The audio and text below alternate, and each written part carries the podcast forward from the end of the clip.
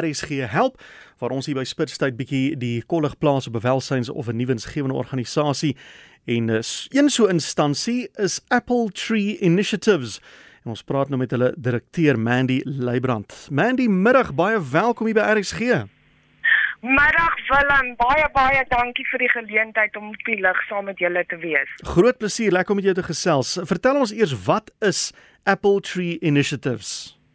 Um Willem, Apple Tree Initiative is ons NPC se naam, ons um nuwensgewende organisasie. Mhm. Mm ons het 'n gemeenskapsgroentetuin in um Suikerbossie Park in Prak in Brackenfell begin 22 Mei 2022. Mhm. Mm ons is op die oomblik 38 tuiniers. Dit is 'n 2.2 hektaar park in 'n residensiële area waarvan ons nou omtrent so 'n hektaar bewerk het.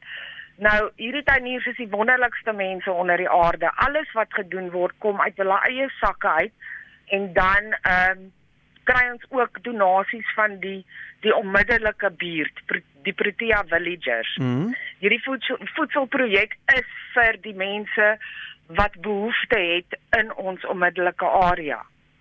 Goed, dit klink nou verskriklik interessant. Hoe het jy die hoe het julle die behoefte identifiseer dat daar so iets nodig is in die omgewing? Weet jy, Willem, dit was geïnspireer gedurende die COVID pandemie. Hmm. Weet jy wat gebeur het is my en my man se klein besigheid het tot 'n 'n totale stilstand gekom. Wat se besigheid was dit? Ons vinnig aan aan iets dink om kos op die tafel te sit. Mm. En ons het toe 'n aanlyn winkeltjie geskep en ons het begin groente en vrugte kombos by mense se huise aflewer reg oor die Wes-Kaap. En daar het ons gesien wat die behoefte regtig is daar buite.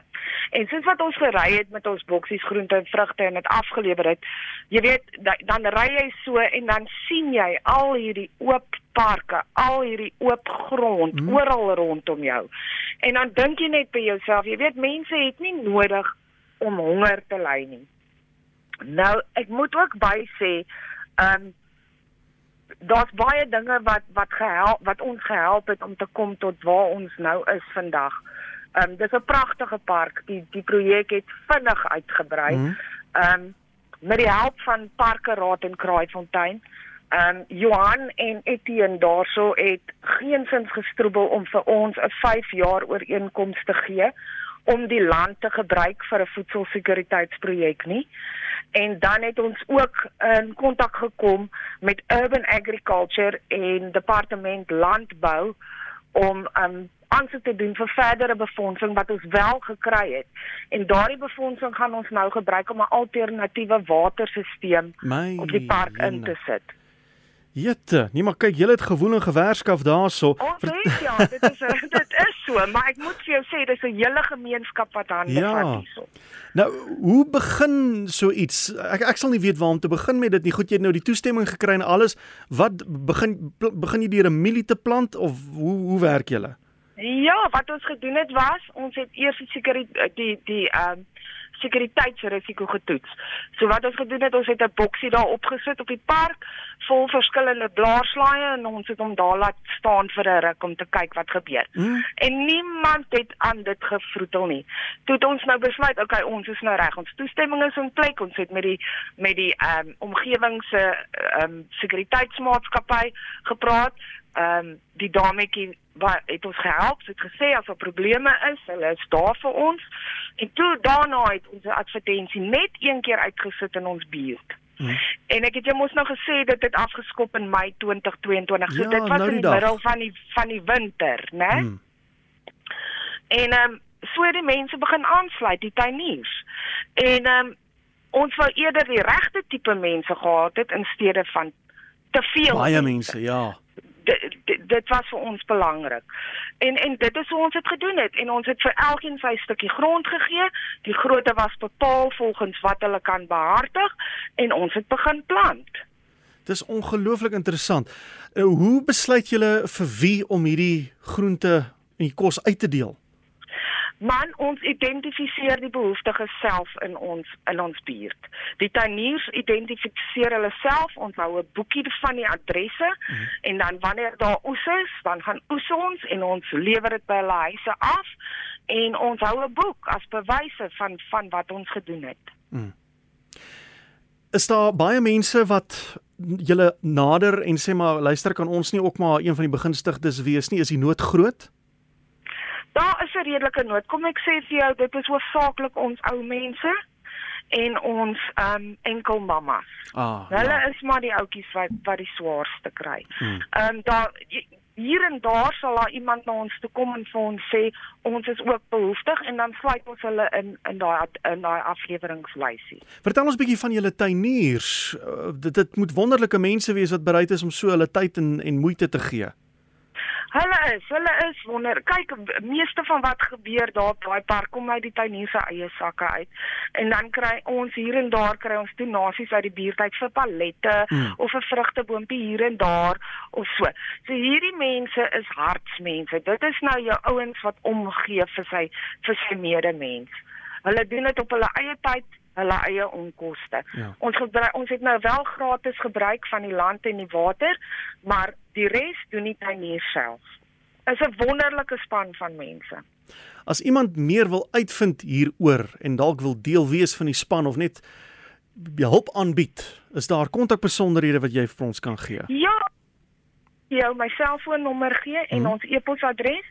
My selfoonnommer is 074 589 6942 uh -huh. en en ons e-posadres dis 'n Engelse e-posadres is um www nee ek ook daai is ons webwerf. Hmm. Ons e ons e-pos is free world creations dis ja. gratis ja. F R E E free world creations @protonmail.com Goed Ons het hom so. En wat is die tipe dinge wat jy nodig het om hierdie werk voort te sit as mense nou wil help met 'n donasie of wat ook al? Weet jy Willem, ons kan ongelukkig nie gelddonasies aanvaar nie. Ons hm. projek het nie 'n bankrekening nie. Daar's 'n belangrike rede daarvoor. In ons ooreenkoms met Parke Raad stipuleer hulle ons mag nie 'n wins maak uit wat ons plant nie. Mm. So ons kies om dit so skoon as moontlik te hou, maar as mense kan help met donasies in die vorm van saad of saailinge, ehm um, sampioen kompos, vrugteboompies, ons het nou 'n behoefte vir suurgrond, dan en hulle is bereid om te help en hulle wil graag help, dan kan hulle my kontak en ons kan dit van daar af vat. Ek het net so vermoede, daar's baie mense wat gaan tou staan om te help want RSG luisteraars is groenvingers. Hulle is mal oor tuinmaak. En ons het tuinrubrieke op ons stasie. Die mense, hulle hulle wil enigiets en alles wat te doen het met tuin maak, wil hulle iets mee te doen hê. So oh, ek ek is ek hoop daar's baie mense wat julle gaan help daar in die Brackenfell omgewing. Maar Willem, ek wil ook net bylas. Maar ons is nou net eers in die beginstadium van mm. hierdie. Ons het gister 'n vergadering met Casidra gehad. Ehm um, wat ons net ligtelik geraak het aan die onderwerp, maar ons kyk na um, dat Apple Tree Initiatives optree soos 'n sambreel instansie waar ons kan uitreik na ander buurte in die Kaap om hulle ook te help om ja. soortgelyke projekte op die been te bring. Ek wou jou nou vra oor julle of julle plan het om uit te brei, jy het eintlik my vraag beantwoord, maar baie dankie vir die saamgesels. Dankie vir die goeie werk wat julle doen en ek gaan hierdie kontakbesonderhede herhaal en ek hoop ons baie mense wat uh, gaan gaan tou staan om te help. Baie dankie Willem, blessings vir julle almal en al die luisteraars. Mooi bly. Totsiens. Dis Mandy Leibrand, direkteur van Apple Tree Initiatives. Nou het jy daar gehoor wat hulle doen, fantastiese werk met hulle groot groentetuin aan die Brackenfell omgewing. Haar nommer is 074 589 6942. E-posadres is freeworldcreations@protonmail.com.